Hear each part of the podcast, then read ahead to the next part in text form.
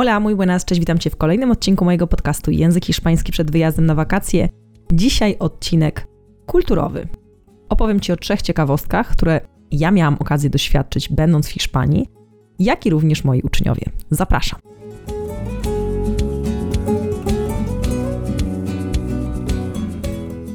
Cześć, mam na imię Paulina, pomagam innym komunikować się w języku hiszpańskim. Robię to 100% online i robię to po to, abyś to Ty mógł wyjechać na swoje wymarzone wakacje lub po prostu kiedyś przeprowadzić się do Hiszpanii.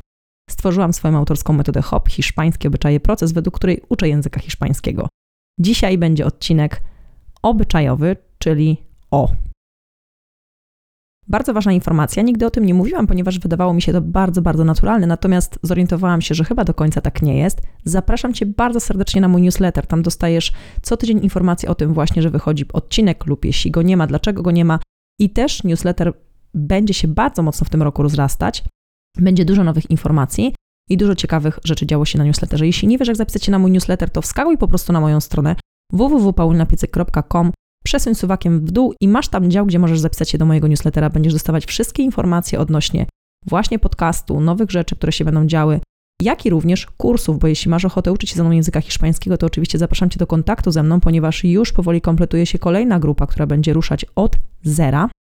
Więc jeśli jesteś tą osobą, która tylko czeka na tą informację, to koniecznie napisz do mnie od razu maila. Nie czekaj. Także zapraszam Cię bardzo, bardzo serdecznie. Preparado? Preparada? Empezamos! Zaczniemy sobie od takiej ciekawostki, związanej z tym, z czym ja się spotkałam. Kiedy pojechałam na studia do Hiszpanii, miałam okazję poznać e, kolegów na uniwersytecie i później oni przyjeżdżali jakby do Polski. Była to też taka forma wymiany. I pamiętam, jak polecałam im oczywiście, co mają spróbować w Polsce, co mają zjeść, więc oczywiście moje ulubione ruskie pierogi musiały się tam znaleźć na tej liście. I pamiętam, jak te osoby, które wylądowały w Polsce, próbowały po swojemu zrobić pierogi. I pamiętam jak dziś, kiedy zadzwonili do mnie i mówią, wiesz co Paulina, spoko, że poleciłaś nam te ruskie pierogi, ale generalnie tego się w ogóle jeść nie da. To jest ohydne. ja mówię, no, no, a los gustos, los colores. O gustach się nie dyskutuje, więc jakby, no rozumiem, okej, okay, spoko, ale, ale coś mi nie grało, no błagam was, no kto nie lubi ruskich pierogów? Na pewno są zwolennicy bardziej mięsnych pierogów, ale no ruskie pierogi to ruskie pierogi. No i pomyślałam sobie, mm, no dobra, a jak zrobiliście te pierogi? Byliście w restauracji, czy kupiliście sobie je? No nie, najpierw chcieliśmy spróbować, więc kupiliśmy sobie po prostu mrożone pierogi, no i tak jak zawsze, nie? Wrzuciliśmy je na, na olej, na smażenie. Moja reakcja była płakać czy śmiać się. Mówię, no okej, okay, tyle tylko, że pierogi się gotuje. Oni mówią, co? No i oczywiście, dlaczego Hiszpan wrzucił nasze pierogi ruskie na olej do smażenia, dlatego że nie wiem, czy wiesz, ale w Hiszpanii istnieją empanadillas. Empanadillas to są małe pierożki, które właśnie smaży się lub czasami piecze się, w zależności jak kto je robi. I są one zrobione z zupełnie innego ciasta, które właśnie jest takie kruchutkie, mm, no właśnie takie trochę ala półfrancuskie, można by rzec, z troszeczkę też innym farszem niż nasze oczywiście ruskie pierogi mięsne i tak dalej. No ale jest to zupełnie jakby inny proces przygotowywania tych ichszych pierożków, a naszych pierożków, więc różnica kulturowa spowodowała, że no nasze ruskie pierogi okazały się fatalne. No, co dziwnego, jeśli smażysz je na oleju. To taka pierwsza moja historyjka i moje doświadczenie z różnicami kulturowymi. Druga to taka, kiedy ja już się oczywiście tego nauczyłam. Tak jak wiecie, ja nie jestem bardzo kawowa, jestem bardziej herbaciana, ale w Hiszpanii, owszem, jak najbardziej, croissancik lub kawa, jakieś churrosy, jeśli tylko są. Natomiast bardzo często wracacie z wakacji, mówicie mi, Paula, wiesz co, ja tego nie rozumiem, no proszę tą kawę po śniadaniu, oni mi przynoszą tą kawę równo z sokiem z pomarańczy. Ja chcę zjeść sok z pomarańczy z jakimiś tam tostami i chcę kawę dopiero po śniadaniu, bo wiem, że dużo osób tak rzeczywiście ma. Zresztą na przykład moi teściowie też mają taki zwyczaj, że jedzą śniadanie z herbatą, a po śniadaniu na przykład jest kawka.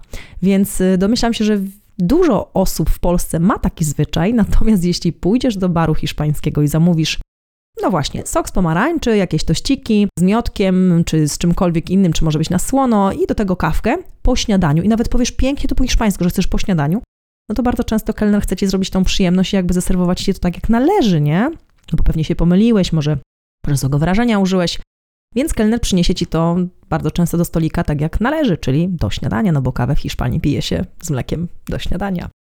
Więc też taka różnica e, kulturowa. Jeśli chcesz rzeczywiście wypić tą kawę po śniadaniu, to najpierw zamów po prostu śniadanie, a dopiero potem, jak skończysz to śniadanie, zamów kawę z mlekiem. No masz gwarancję, że kelner na pewno przyniesie ci tą kawę dopiero po śniadaniu.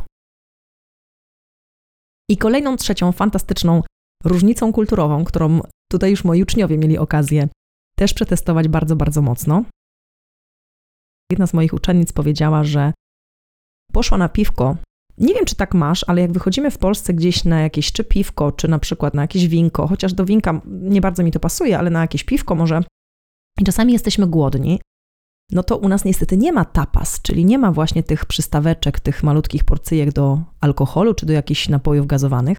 U nas niestety musisz sobie albo po prostu iść na jakąś kolację, albo coś tam zamówić. Bardzo mało jest tych właśnie tapasików takich w Polsce. Więc czasami tak jest, że zaczynasz być troszeczkę głodny, ale nie bardzo, więc coś by się przekąsiło. No ileż można te chipsy wsuwać? Więc często na przykład widzę, jak ludzie zamawiają do stolika, zresztą mi się też wiele razy zdarzyło, w szczególności przy dzieciach, zamówić na przykład frytki. Ale nie w Hiszpanii. I ta moja uczennica, która zamówiła sobie właśnie do bodajże piwka frytki i zamówiła patatas fritas, bo tak nazywają się frytki w Hiszpanii, zgadnij, co przyniósł Hiszpan do stolika. Przyniósł chipsy. Przyniósł chipsy, ponieważ pomyślał sobie, że ona pewnie jej chodzi o patatas fritas de bolsa, czyli właśnie te chipsy po prostu z paczki, no bo gdzieżby jej chodziło o frytki.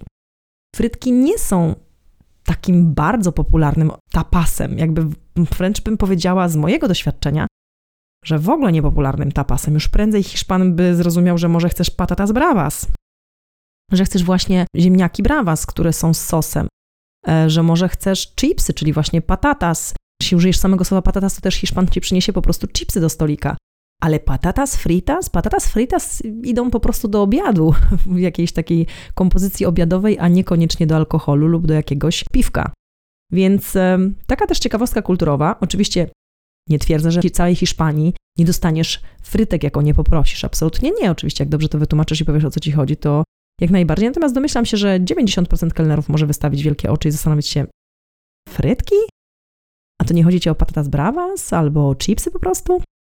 Ta lista tapasów, która oczywiście może być w Hiszpanii, jest bardzo, bardzo długa, ale rzeczywiście frytki nie są gdzieś tam w pierwszej piątce czy dziesiątce tapasów, które możemy zamówić do alkoholu. Natomiast rzeczywiście w Polsce, jak wychodzimy gdzieś z znajomymi czy na miasto i chcemy coś przekąsić, no to lista tapasów jest dosyć mała, przynajmniej takie jest moje doświadczenie. Ciekawa jestem, jakie jest Twoje doświadczenie z tapasami i myślę, że już niedługo zrobimy sobie też odcinek właśnie obyczajowy związany z jakimiś tapasami. Ale zapraszam Cię już za tydzień na kolejny odcinek językowy. To tyle na dzisiaj. Mam nadzieję, że to było dla Ciebie użyteczne i nie będziesz zamawiać kawy podczas śniadania, jeśli chcesz ją dostać po śniadaniu, że nie będziesz zamawiać frytek do piwka, no i myślę, że na pewno nie usmażysz mrożonych ruskich pierogów i że nie ugotujesz hiszpańskich empanadillas. Takie oto małe różnice kulturowe. To tyle na dzisiaj. Muchísimas gracias. Hasta luego.